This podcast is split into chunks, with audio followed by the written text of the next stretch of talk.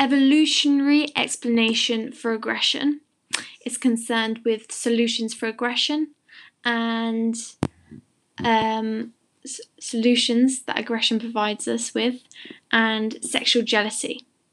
Solutions for survival include securing resources, establishing status, sexual competition, and deterring future attacks.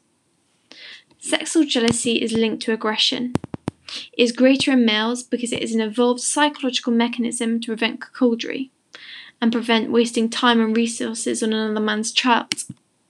Mate retention strategies include direct guarding and restricting a woman's independence to prevent her access to other males, and negative inducement, making a woman fear leaving. Direct guarding, negative inducement.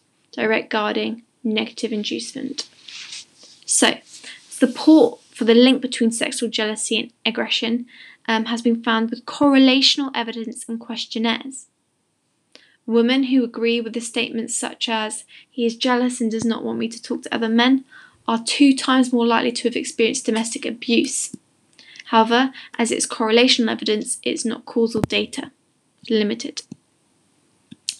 There is also evidence that sexual jealousy is an evolved psychological mechanism.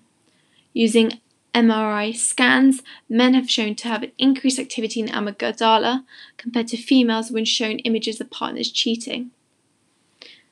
However, the approach really fails to appreciate the influence of nurture and the differences in socialization between males and females, as parents are far more likely to punish their sons with violence than their daughters.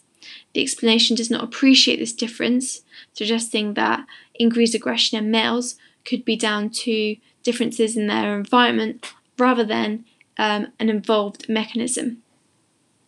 There are also differences in tribal groups due to um, nurture, which the approach does not appreciate. Furthermore, the Kung San tribe discourages aggression and therefore is rare within their tribe, whereas the Yanomamo tribe promotes the use of violence um, and therefore is really prevalent in establishing resources. However, under the evolutionary explanation, the behaviour of these two tribal groups should not be affected by their culture, it should be the same, and aggression should be an important part of both cultures. However, this is clearly not exhibited in the Kung San tribe, suggesting that the explanation is not a full explanation of aggression.